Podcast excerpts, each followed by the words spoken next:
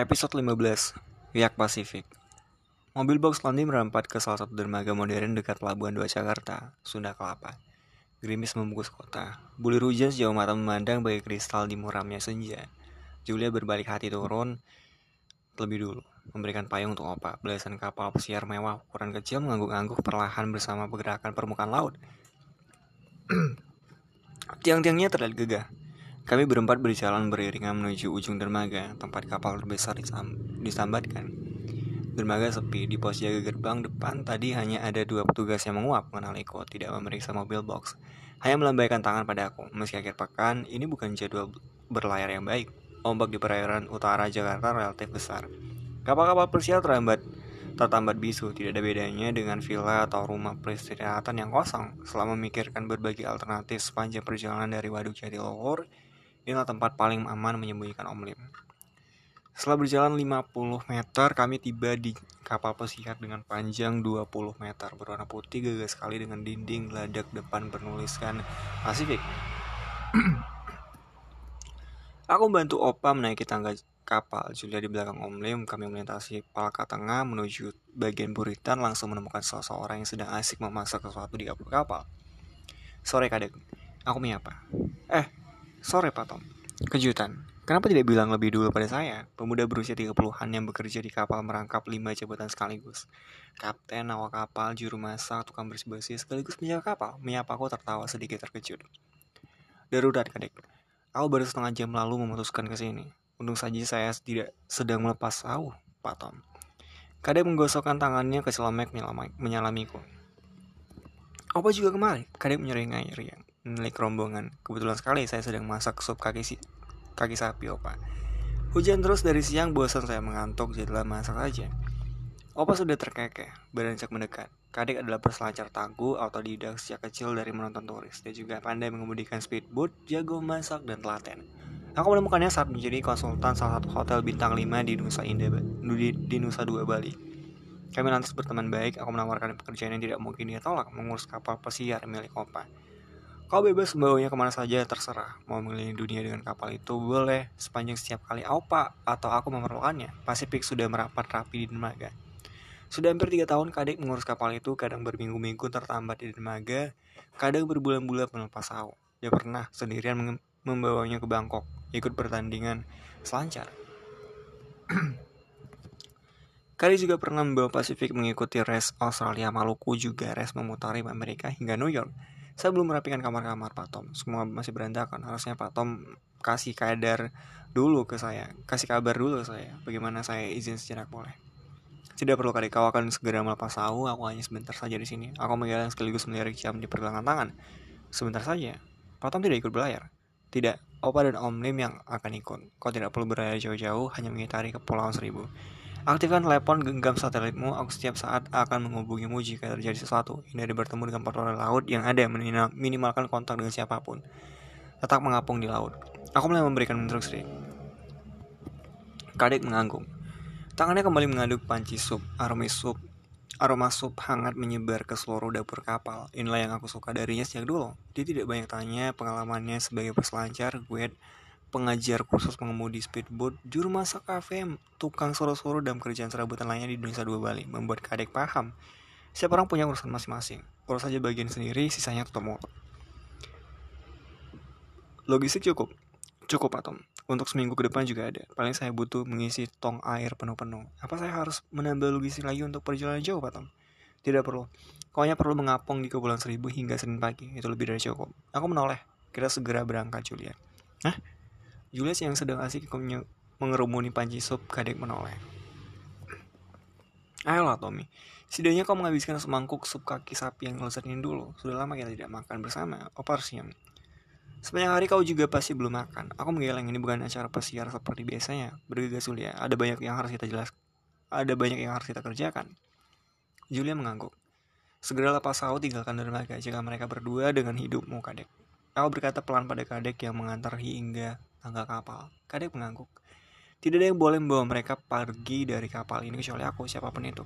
Peduli setan jika ada pasukan katak angkatan laut yang mengepung ke laut, yang mengepung kapal, kau bahkan boleh menggunakan Kalasnikova di kamarku dalam situasi darurat. Mengerti? Kadek kali ini menelan ludah, lantas lalu gagu mengangguk. Aku dan Julia sudah berjalan cepat di pelataran dermaga, kembali menaiki mobil box laundry. Setidaknya hingga besok pagi aku bisa menitipkan Opa dan Om ke tangan Kadek.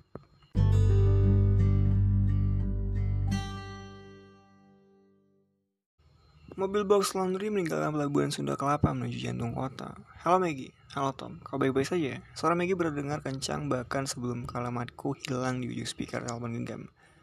Aku baik, Meg. Tidak ada yang perlu kau cemaskan. Oh, syukurlah. Serga di terdengar amat lega. Dari tadi aku hendak menelponmu tadi, tapi urung. Khawatir kau tidak dalam situasi baik mengangkat telepon. Jangan-jangan kau masih kejar polisi. Jangan-jangan kau malah sedang di sel polisi. Kau baik, Meg? Aku memotong. Aku juga baik toh. Beberapa tugas sialan itu sempat berjaga di kantor selama satu jam, menginterogasi, bertanya banyak hal, tapi mereka akhirnya pergi. Bosan melihat wajah begoku, menganggapku hanya sekretaris tidak berguna, tidak tahu banyak hal. Lalu tertawa sambil menginjak rem terdengar mendengar gurauan Maggie. Jalan kota tidak terlalu ramai, tapi gerimis semua pengendara sepeda motor kadang tidak terlihat. Mereka benar-benar keliru kalau begitu. Kau sekarang ada di mana? Di mana lagi, Tom? Maggie berseru ketus. Aku di kantor sampai kau mengizinkanku pulang. Aku menyeringai. Kau memang staff nomor satu, Meg. Sudahlah bas-basinya, Tom. Semua kesibukan, tegang, panik ini tidak sebanding lagi dengan dua tiket berlibur yang kau janjikan. Aku akan menuntut lebih. Aku mengangguk, meski tentu saja Maggie tidak bisa melihatnya. Update, Meg. Apa pun yang sudah kau peroleh 4 jam terakhir. Lampu merah salah satu perempatan besar kota Jakarta terlihat basah. Motor, mobil, ojek payung berlari-lari menyambut penumpang yang turun dari bus perdagang asongan. Detik itu mundur beberapa jam berapa lama lagi lampu merah terlihat dari balik kaca mobil box laundry. Kau sudah membaca koran sore, Tom? Pasti belum. Mereka mengatakan berita kemungkinan bank semesta ditutup di halaman depan. Sebentar, satu, dua, ya tiga koran sore melakukannya. Krisis dunia, bla bla bla bla, kondisi terakhir perekonomian nasional, bla bla bla, kemungkinan ras, panik bagi nasabah perbankan, bla bla bla bla. Sepertinya wartawan dan editor senior yang kita undang melakukan penelitiannya dengan baik. Aku yakin besok pagi seluruh surat kabar besar juga akan meletakkan berita ini di headline. Aku mengangguk lagi masih mengamati detik countdown lampu merah. Dua situs berita online yang mulai dipenuhi soal ini, mereka meletakkannya di baris paling atas membuat topik diskusi terkait sebentar jumlah hit. Sebentar ya masih di nomor belasan sebagai topik paling sering terlihat. Tapi cepat sekali menaikkan hitnya. Aku pikir besok siang atau malah besok pagi sudah masuk 10 besar berita online yang paling sering diakses. Jangan lupa ini masih libur, jadi tidak banyak yang online. Tiket konser itu sepertinya ampuh, Tom. Aku mengangguk. Masih 15 detik lagi lampu hijau. Oh, sudah membaca dokumen pengambil alihan bank semasa oleh Omnim. Belum selesai, aku menjawab pendek. Ada ada update menarik, Tom. Aku menemukan sesuatu yang akan membuatmu terkejut. Salah satu penasihat keuangan saat proses itu dilakukan adalah Eric. Mobil di belakangku menekan klakson, lampu hijau menyala. Eric, Aku berseru dua untuk dua hal. Satu untuk nama Erik, dua untuk beberapa tidak sabarnya mobil di belakangku. Aku bergegas melepas rem tangan. Benar, Erik teman dekatmu. Ada nama lain yang mungkin menarik buat salah satu pejabat level menengah bank sentral juga ikut terlibat dalam proses pengambil alihan itu. Mereka menyulap begitu banyak data, bank itu seharusnya ditutup sejak 6 tahun lalu. Aku sudah tidak mendengarkan penjelasan Maggie lebih lanjut ini fakta kecil yang menarik. Nama Erik dan nama pejabat bank sentral itu aku mengenalnya. Aku bergegas untuk pembicaraan menyuruh Maggie terus mencari tahu apa yang sedih, apa yang bisa dilakukan. Ya, ya, ya, ya. Aku ini memang kacung paling mu Thomas. Aku akan menginap di kantor saja malam ini. Maggie berkeluh kesah tapi aku sudah menutup telepon, membanting setir mobil berbalik arah 180 derajat. Lebih banyak lagi klakson mobil yang marah karena kaget. Aku balas menekan klakson membuat ramai perempatan. Tidak pernahkah mereka melihat mobil laundry terburu-buru mengantar cucian? Kita mau ke mana? Julia sejak tadi mendengarkan bicara bertanya. Kita berpisah, Julia. Aku menolak selintas. Berpisah? Ya, waktu kita terbatas. Kita harus bergerak simultan secara terpisah agar bisa melakukan banyak hal. Kau terpaksa bersendirian mengurus janji pertemuan dengan menteri itu. Gunakan seluruh akses yang dimiliki review mingguan. Julia menepang dahi. Aku tahu itu tidak mudah, tapi editor senior kalian teman dekat sejak kuliah dengannya. Seakan pertemuan ini terjadi paling telat besok siang Julia bilang ke staf ajudan atau ke beliau langsung atau ada isu penting sekali yang hendak dibicarakan review mingguan kalian isu yang menyangkut banyak uang milik perusahaan negara aku akan mengurus sesuatu yang lebih penting sekarang kau mau ke mana Tom nanti aku beritahu lewat telepon aku harus bergegas kau berhenti di mana halte depan atau aku tidak bisa mengantar ke kantor soalnya Di mana saja lah, tidak terlihat sebal. Aku naik taksi saja. Mobil box laundry merapat sembarangan. Aku berjanji akan segera menelponmu Julia. Pastikan pertemuan besok dengan menteri terjadi. Julia mengangguk. Aku sudah menekan pedal gas. Saatnya aku merayakan sesuatu yang lebih serius sekarang.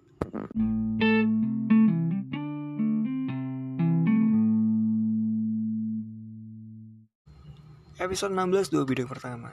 Mobil box laundry merapat ke salah satu apartemen elit Jakarta. Aku sibuk Tom tidak ada waktu. Sore Eri justru terdengar santai. Omong kosong selama ini aku selalu punya waktu untukmu, Erik. Bahkan dalam situasi mendesak sekalipun, aku berlari kecil melintasi mobil lobby apartemen. Astaga Tom, tapi tidak sekarang. Ini hari Sabtu, libur. Aku sudah hampir 9 minggu tidak pernah menikmati weekend, bersantai menghabiskan waktu di apartemenku. Itu bagus, jadikan, aku, jadikan saja genap 10 minggu, kalau terpaksa tidak bisa bersantai. Aku mencet angka 7 tombol lift. Baik-baik. Suara Erik terdengar kesal. Aku bisa menemuimu, tapi setengah jam saja. Nanti malam pukul 8 setelah kau di mana tempatnya. Soal setengah jam itu bukan masalah, sobat. Lebih dari cukup. Soal di malam, nah itu yang jadi masalah. Sekarang, Erik. Kita harus bertemu sekarang. Pintu terbuka. Aku melintasi lorong lantai. Sekarang. Memangnya kau ada di mana? Lima detik lagi aku menekan bel apartemenmu. Nah, aku sudah mukul kasar bel di, di sebelah pintu jati berukuran itu. Ah, kalimat Erik terputus oleh suara bel. Aku memasukkan telepon genggam ke dalam saku wajah Erik muncul di balik pintu beberapa detik kemudian. Dia menekan kaos berkeringat. Kau gila, Tom. Ada apa sebenarnya? Aku melangkah masuk mengabaikan tambang keberatannya. Erik sedang latihan squash. Dia sengaja menyulap ruang depan dan ruang tengah apartemen luas dan mewahnya menjadi lapangan squash kecil. Aku dan beberapa teman dekat beberapa kali pernah berlatih bersama. Apartemennya sepi, hanya suara televisi layar lebar terdengar berbisik. Kau bermain, kau bermain sendirian? Aku bertanya, melihat sekitar melihat raket squash yang terletak.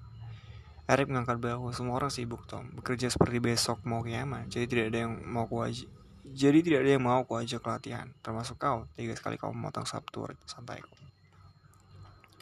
Aku melemparkan raket squash ke lantai, meraih remote televisi di atas meja kecil, menaikkan volume, ada liputan breaking news dari salah satu stasiun terkemuka, membawa cara sibuk melaporkan situasi terakhir di bursa saham Amerika tadi malam. Indeks Dow Jones jebol nyaris 500 poin. Itu artinya kapitalisasi saham di sana menguap 4% dalam sehari, setara dengan ribuan triliun rupiah. Angka setara dengan menyolokkan 1 miliar anak hingga lulus kuliah. Kepanikan sedang terjadi di Amerika. Beberapa bank dan institusi keuangan dilaporkan dalam kesulitan besar menyusul Citibank, Lehman Brothers, otoritas bank sentral, jabat senior, bahkan pengamat ekonomi, peraih Nobel memberikan komentar. Wajah-wajah bergegas, wajah-wajah lelah, siapa lagi yang akan tumbang? Pembawa acara berpindah ke berita berikutnya. Bank Semesta bla bla bla bla bla sumber terpercaya berakhir menyebutkan Bank Semesta akan ditutup bla bla bla bla resiko dampak sistematis di depan mata bla bla bla bla apakah krisis akan dunia akan tiba di Indonesia, aku menekan tombol mute televisi bisu. Kencangkan lagi volumenya Tom. Eric justru tertarik. Dia melangkah mendekat mendoang ke, ke layar televisi yang tergantung di dinding lapangan squashnya. Tidak penting sobat. Aku nyeringai. Kencangkan Tom ini penting setelah begitu banyak kabar sampah tentang kondisi terakhir dunia luar. Eric berusaha meraih remote dari tanganku. Aku menepis tangannya menatap lama-lama Eric dengan tatapan dingin. Eh, ada apa? Eric lalu deh. Kenapa kau begitu tertarik dengan Bank Semesta Sobat? Atau jangan-jangan kau salah satu di antara mereka yang berharap bank itu ditutup saja? Ah, aku. Eric mengangkat bahu, tidak mengerti kenapa aku tiba-tiba sini sih. Iya, kau salah satunya. Misalnya, agar rekomendasi keliru yang sengaja kau berikan 6 tahun lalu musnah bersama hilangnya nama Bank Semesta? Tidak ada lagi yang bisa membuktikan bahwa seharusnya bank itu sudah tutup sejak dulu. Eric diam, sepertinya baru menyadari apa tujuanku datang ke apartemennya. Apa maksudmu, Thomas? Eric meleding. Aku tertawa. Kau hanya punya waktu setengah jam, bukan? Baik. Aku sudah memakainya 4 menit, berarti tinggal 26 menit. Kita akan bicara sambil berdiri seperti ini, atau kau akan baik-baik berbaik hati menyuruhku duduk. Eric bergumam, bergumam samar punya kapal di leher mengangguk menuju kursi. Aku mengarahkan remote ke televisi sekejap menekan tombol off. Apartemen luas Eric lenggang seketika.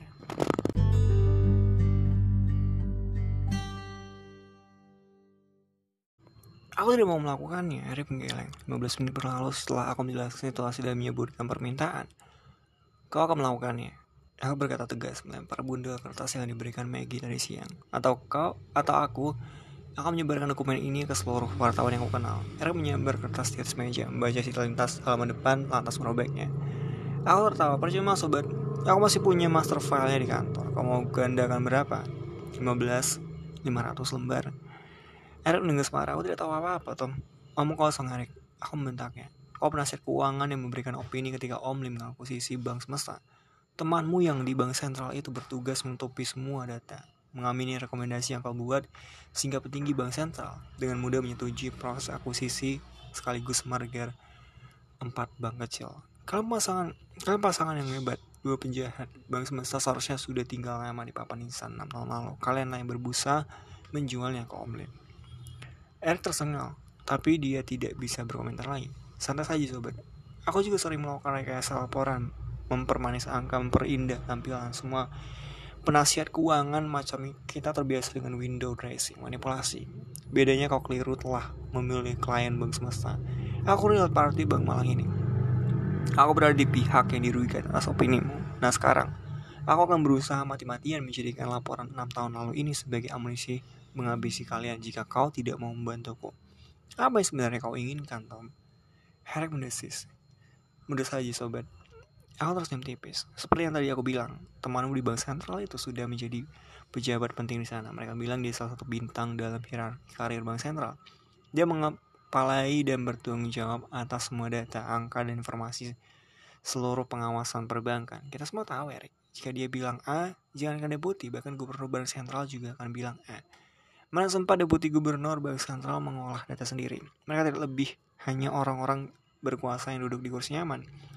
Mereka menerima semua data yang diletakkan di atas meja, tidak sempat melakukan verifikasi bahkan konfirmasi. Dan beberapa jam ke depan, eskalasi kasus bank semesta akan bertambah besar ketika seluruh media ribut mencemaskan dampak sistematis. Isu ras kepanikan hanya soal waktu komite stabilitas sistem keuangan akan mengundang pihak berkepentingan rapat membahas bank semesta. Untuk menghadiri rapat itu, petinggi bank sentral akan membutuhkan data terakhir tentang bank semesta, angka, informasi, perhitungan semuanya. Nah, kau hubungi teman baikmu itu di bank sentral itu, minta agar dia melakukan hal yang sama 6 tahun lalu. Mempermanis laporan tentang bank semesta, misalnya mempermanis angka talangan yang harus diberikan jika pemerintah memutuskan untuk melakukan bailout. Boleh jadi angka sebenarnya 7 triliun tapi temanmu bisa membuatnya hanya 2 triliun. 7 boleh jadi membuat komitmen segera menggeleng, resisten. Tapi dengan angka 2, mereka akan manggut-manggut. Angka itu harus segera ada dalam laporan, ada di kepala petinggi bank sentral dan disebutkan dalam rapat komite. Jadi basis keputusan pertama mereka. Kau gila, Tom. Dalam situasi seperti ini, mereka pasti akan melakukan verifikasi dan konfirmasi berkali-kali. Mereka tidak bodoh. Aku lebih tahu dari soal aku lebih tahu dari soal itu, Tom. Eric. Aku lebih dari tahu soal itu Erik. Kalau kan saja skenario nya sekali saja rapat komite terjadi, temanmu di bank sentral itu boleh-boleh saja mengubahnya lagi. Bilang bahwa angka sebelumnya tidak update, cut off keliru. Tapi sekali rapat komite telah dilangsungkan, Sekali mereka terdesak harus segera mengambil keputusan dan aku sudah menyelipkan kepentingan, kepentingan di beberapa peserta rapat. Ada apa bedanya 2 triliun dengan 7? Dalam dunia ini kita telah mengambil keputusan bahkan sebelum keputusan terjadi. Kita hanya butuh argumen yang cocok. Eric mengusap wajahnya. Apa sebenarnya yang sedang kau rencanakan, Tom? Menyelamatkan bank semesta. Kau tidak bisa memperangi begitu banyak orang penting, Tom. Astaga, apakah kau berpikir bisa mempengaruhi Menteri Keuangan, Gubernur Bank Sentral, bahkan Presiden sekalipun? Aku tertawa pelan, meraih sesuatu di atas meja. Kita lihat saja nanti sobat, sekarang kau harus saja yang kusuruh. Jika temanmu itu sama becusnya seperti enam tahun lalu, Aku sudah memegang satu bidak, bank sentral. Dua bidak lain sedang kurus. Nah bergegaslah. Waktuku terbatas. Hubungi temanmu di bank sentral itu agar ajak dia segera bertemu mulai mempermanis banyak hal atau aku segera mengirimkan dokumen yang kau robek tadi ke semua redaksi koran. Jika itu terjadi, karirmu dan karir temanmu itu tamat, bahkan sebelum bank semesta selesai di likuidasi. Eric menghela napas, menatap lama-lama. Kenapa kau melakukan ini pada aku, Tom? Eric sudah berdiri. Kau tidak mendengarkanku dengan baik. Aku relay party bank semesta. Nama aku boleh jadi tidak tercantum di mana-mana, tapi aku orang pertama yang akan menyelamatkan bank itu. Selamat tinggal. Aku harus segera mengurus hal lain, jangan matikan telepon dengan kamu. Aku akan menelpon kapan saja. Maaf membuatmu tidak bisa bersantai di akhir pekan untuk sepuluh kalinya. Dan satu lagi, aku pinjam mobilmu, diparkir di tempat biasa kan? Ada bergumam kasar melihat kunci mobilnya yang kupegang. Wajah merahnya menggelembung, tapi dia tidak berkomentar. Aku sudah melangkah menuju pintu apartemen.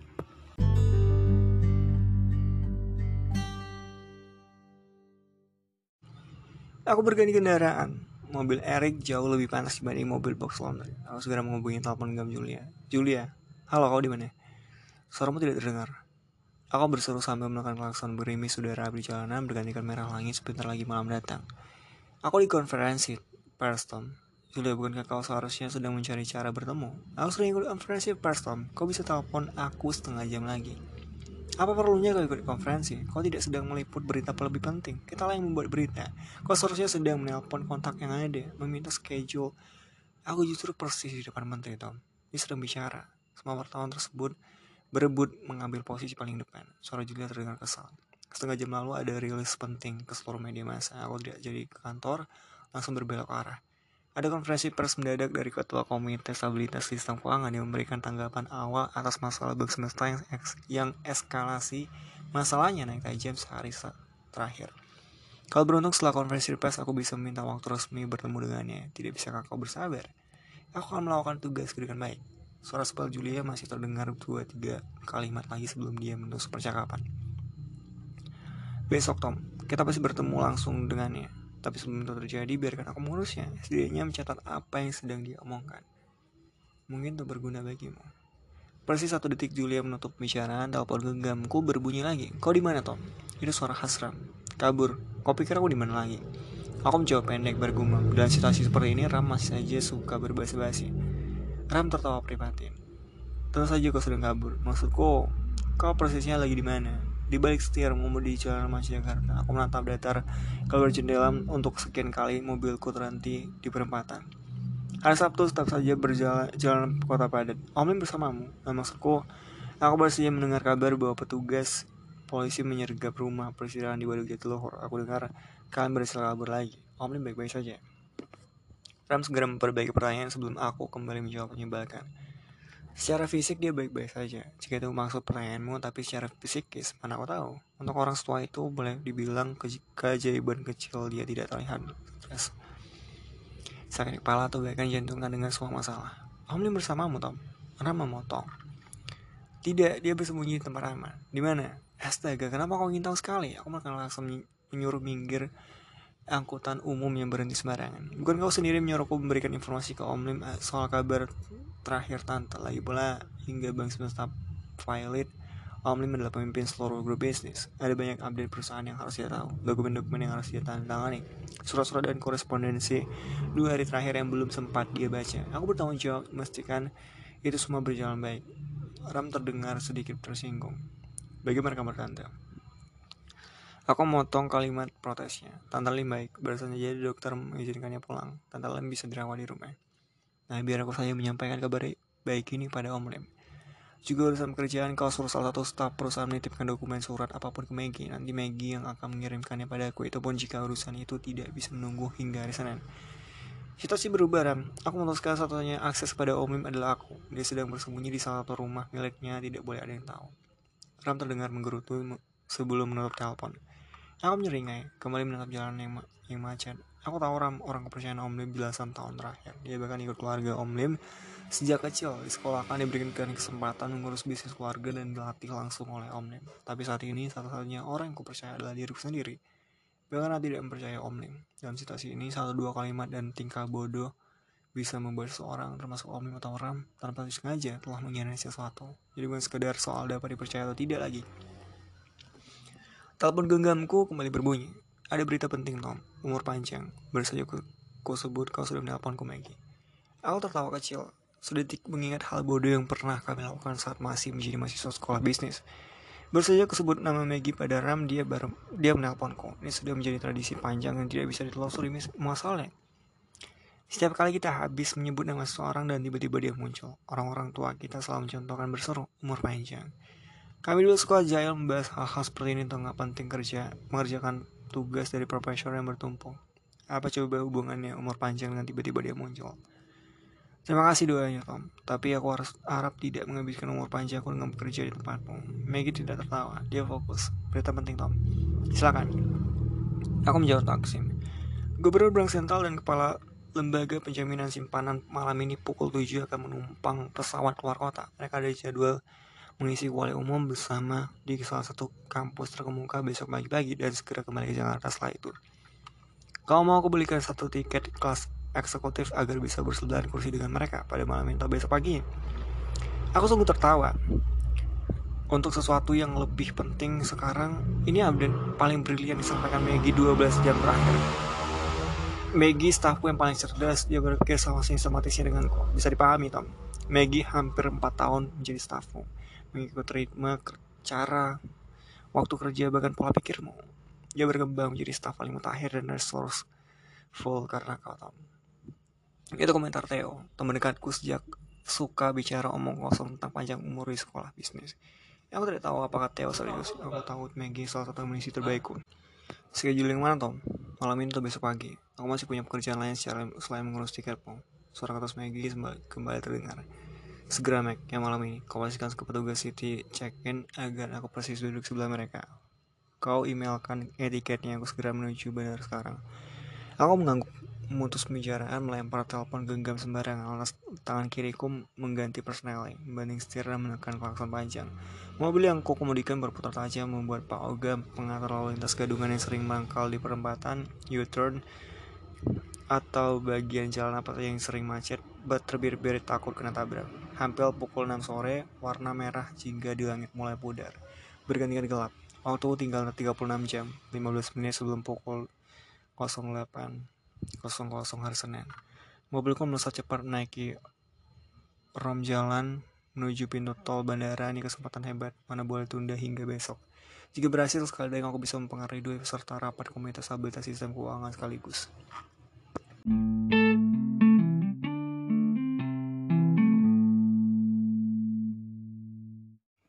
Episode 17 Perjalanan yang terencana Aku masih sempat meminta Maggie mencari data terakhir seluruh aset yang tercatat atas nama Om Lim secara pribadi maupun grup bisnis di luar negeri sebelum melintasi garbarata pesawat.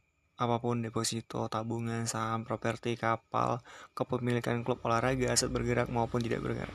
Cari semua data Cina, Hong Kong, Swiss, Inggris, di mana saja Om Lim pernah melakukan investasi. Itu pasti berguna. Maggie bilang dia bisa segera mengusahakannya. Aku mengangguk taksi memasukkan telepon genggam ke saku jazz. Jazz tentu saja. Sebelumnya aku juga sempat mampir ke salah satu butik di ruang tunggu keberangkatan domestik, membeli satu setel pakaian yang baik, yang baik berganti di ruang pas. Sejak tadi malam aku belum pernah berganti pakaian, rasanya bahkan membuatku belum tidur, belum makan, juga belum mandi. Jaga butik bingung saat melihatku keluar dari ruang pas dengan pakaian rapi langsung menuju meja kasir. Kau belum pernah melihat pembeli yang langsung memakai baju yang dibelinya? Aku berkomentar santai, mengeluarkan kartu kredit. Uh, bukan itu, maaf. Gadis itu salah tingkah. Temannya mengikut lengan, menyuruhnya bergegas menyelesaikan transaksi. Aku juga sempat mampir ke toko buku di sebelah butik itu, mencoba sembarang buku paling mutakhir tentang perbankan. Beberapa majalah mingguan ekonomi terkemuka dunia ditambah surat kabar sore berbahasa Inggris hingga akhirnya final call penerbangan di Jakarta terdengar di langit-langit bandara. Tampilanku sudah lebih dari cukup meyakinkan. Aku berjalan santai menuju gate 6, menyerahkan boarding pass, lantas melintasi garbarata yang dipenuhi penumpang. Pramugari tersenyum menyapa. Seat nomor berapa? Aku membalas senyumnya sambil menyebut nomor kursi. Silakan Pak Thomas. Sudah standar, baku kelas eksekutif pramugari menghafal seluruh nama calon penumpang yang 5 menit lalu diberikan petugas ground handling. Maggie benar, dua pejabat tinggi negara itu sudah duduk di kursi masing-masing. Aku persis di belakang mereka. Terpisah lorong kecil. Kelas eksekutif yang hanya menyediakan 12 kursi terisi penuh, aku duduk dengan relax memasang safety belt lantas membuka koran sore. Mulai pura-pura membaca headline besar tentang bank semesta, dua pejabat di sebelah aku membicarakan sesuatu tertawa terkendali dan sekali lagi kampus lama mereka sepertinya. Tempat mereka besok mengisi kuliah umum, pesawat mulai memasuki runway, dalam hitungan detik, pilot menginformasikan pesawat siap take off. Aku tetap serius membaca koran sore, tidak peduli gerung pesawat yang terbang lepas landas. Peraturan pertama, jika kalian ingin menarik perhatian seseorang, apalagi dua orang dengan level yang sudah terlalu tinggi dibandingkan kalian, lakukanlah dengan cara ekstrim. 5 menit, lampu safety belt sudah dipadamkan, pesawat sudah stabil di ketinggian, pramugari yang telah tersenyum sudah mengeluarkan troli makanan penuh spesial kelas eksekutif. Berdebah, aku berseru. Memukul koran sore berbahasa Inggris di tanganku. Pramugari bahkan hampir saja menumpahkan kopi dari tekonya. Penumpang kabin eksekutif noleh. Dan karena dua petinggi lembaga keuangan itu persis seberang lorongku, mereka orang pertama yang melongo padaku. Maaf astaga, saya sungguh tidak bermaksud demikian. Aku mengangguk penuh penyesalan pada pramugari menoleh ke sebelah menatap mereka sambil menggeleng pelan. Maaf, saya sedang membaca berita. Lihat astaga, apa yang mereka tulis di koran ini? Bank semesta harus diselamatkan. Ngomong kosong.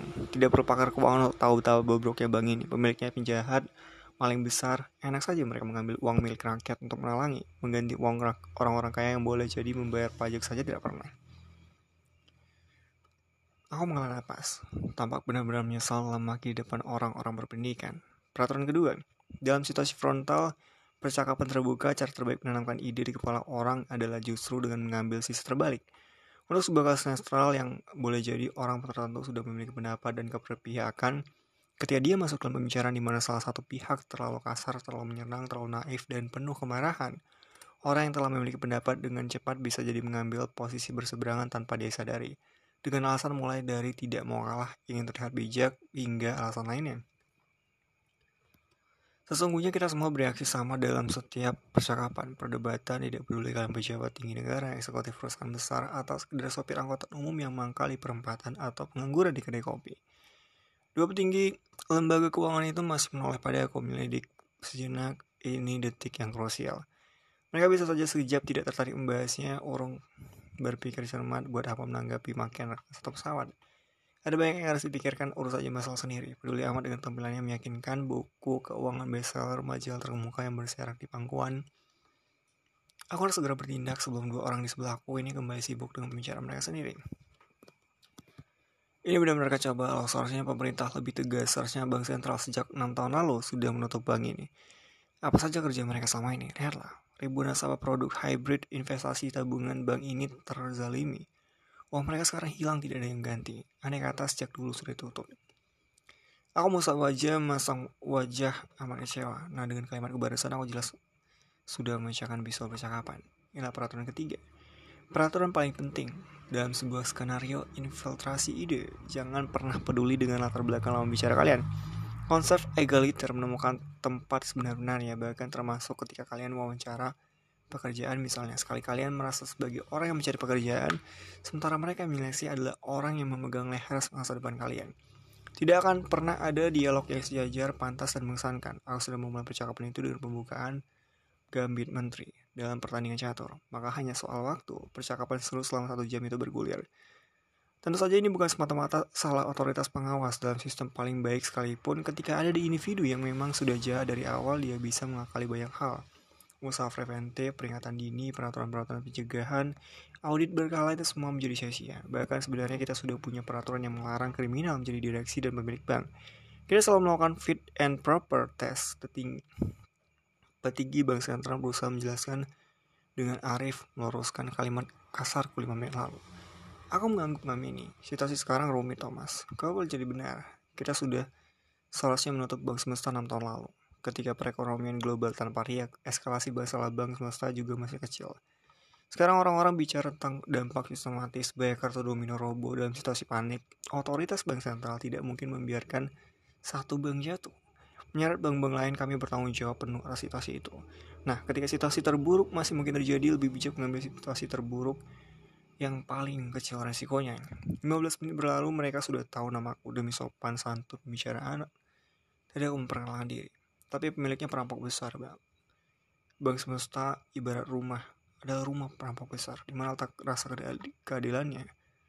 Aku pura-pura masih tidak terima. 30 menit kemudian pembicaraan Gelas kopi kedua dari pramugari terhidang. Pejabat Bank Sentral tersenyum menggeleng. Kau keliru, Thomas. Aku paham apa yang kau maksud. Anak muda sepertimu terkadang terlalu emosional.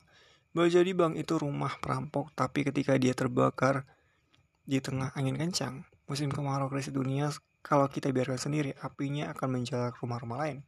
Bahayanya akan lebih besar lagi. Jadi pilihan terbaiknya boleh jadi memadamkan api rumah itu dulu. Urusan menangkap perampok, mengambil harta yang pernah dia rampok, saja harus dilakukan sesuai koridor hukum yang ada. Aku malah napas, masih hendak membantah. Jangan lupa satu fakta kecil, Thomas. Kepala lembaga penjamin simpanan itu menambahkan. Dan otomatis dia pasti dalam posisi yang sama dengan pejabat bank sentral. Kalaupun pemerintah memutuskan memberikan talangan, dana itu diambil dari premi yang dikeluarkan seluruh bank untuk tabungan, deposito, dan rekening lainnya milik nasabah. Jadi itu bukan uang rakyat, itu persis seperti premi yang dibayar untuk pemilik kendaraan. Ketika ada satu kendaraan yang meminta klaim rusak, ada atau bahkan hilang, itu diambil dari kumpulan uang premi yang ada, bukan uang rakyat, Thomas. 40 menit berlalu, Sebentar lagi pesawat mendarat hanya soal waktu tanda safety belt kembali menyala. Dua tinggal lembaga keuangan itu sempurna sudah menguasai pembicaraan berhasil memberikan pemahaman yang baik kepadaku tentang wisdom dan berhentilah kasar menilai. Kebijakan bukanlah ilmu pasti sebentar apa pun kau. Kita tidak tahu, belum. Pejabat bank sentral menggeleng taksi. Boleh jadi besok siang, boleh jadi besok malam ketua komite stabilitas sistem keuangan akan mengundang seluruh pihak. Komite lah yang paling berwenang memutuskan apakah bank semesta akan di bail out atau tidak. Situasinya bergerak cepat sekali. Dua hari lalu kita masih merahasiakan banyak hal. Hari ini seluruh media massa seperti sudah tahu di rilis terbaru dari kami. Oh iya, rasa-rasanya aku pernah bertemu denganmu, Thomas. Aku ikut tertawa. Mungkin kita pernah satu pesawat, Pak. Bapak waktu itu juga pernah melihat anak muda yang mengeluarkan magian. Mereka berdua tertawa. Lampu safety bell menyala. Pesawat yang kami tumpangi siap mendarat satu dua kalimat bahasa basi menutupi percakapan. Terima kasih banyak atas pembicaraan yang hebat ini, Pak. Saya jadi memahami banyak hal. Aku mengangguk. Mereka tersenyum. Juga orang berbarata turun dari pesawat gubernur Bank Sentral sempat menepuk bahuku. Aku tidak ingin salah. Aku tidak ingin salah. Aku pernah bertemu denganmu, Thomas. Kau hadir dari di konvensi perbankan Jenewa, kan? Kau berubah. Nah, maksudku anak muda yang berkelas, Thomas. Esok lusa, siapa tahu jika kau tertarik menjadi pejabat publik, kau bisa menjadi pejabat yang lebih baik, berani dan taktis dibanding kami. Ini, ini antara kau dan aku saja. Dulu waktu masih sibuk mengajar di kampus, kami selalu memanggil mahasiswa paling pintar dengan sebutan berdebah. Kalimat makianmu tadi mengingatkanku banyak hal. Nah, inilah peraturan kelima. Terkadang kita butuh keberuntungan. Aku tidak menduga kata berdebah itulah kunci terbaik percakapan kami. Aku bergegas menggeleng. Tidaklah, Pak. Saya harus belajar belajar mengendalikan emosi bahkan sebelum memikirkan kemungkinan itu. Mereka berdua hilang di lobi bandara yang ramai. Aku bergegas kembali menuju loket penjualan tiket satu tiket penerbangan ke Jakarta malam ini. Kelas eksekutifnya penuh. Saya harus kembali ke Jakarta segera. Apa saja, tiket bergelantungan, bahkan tiket duduk di toiletnya juga tidak masalah. Kerja menjaga loket tertegun senjata. Saya bergurau. Kau bergegaslah.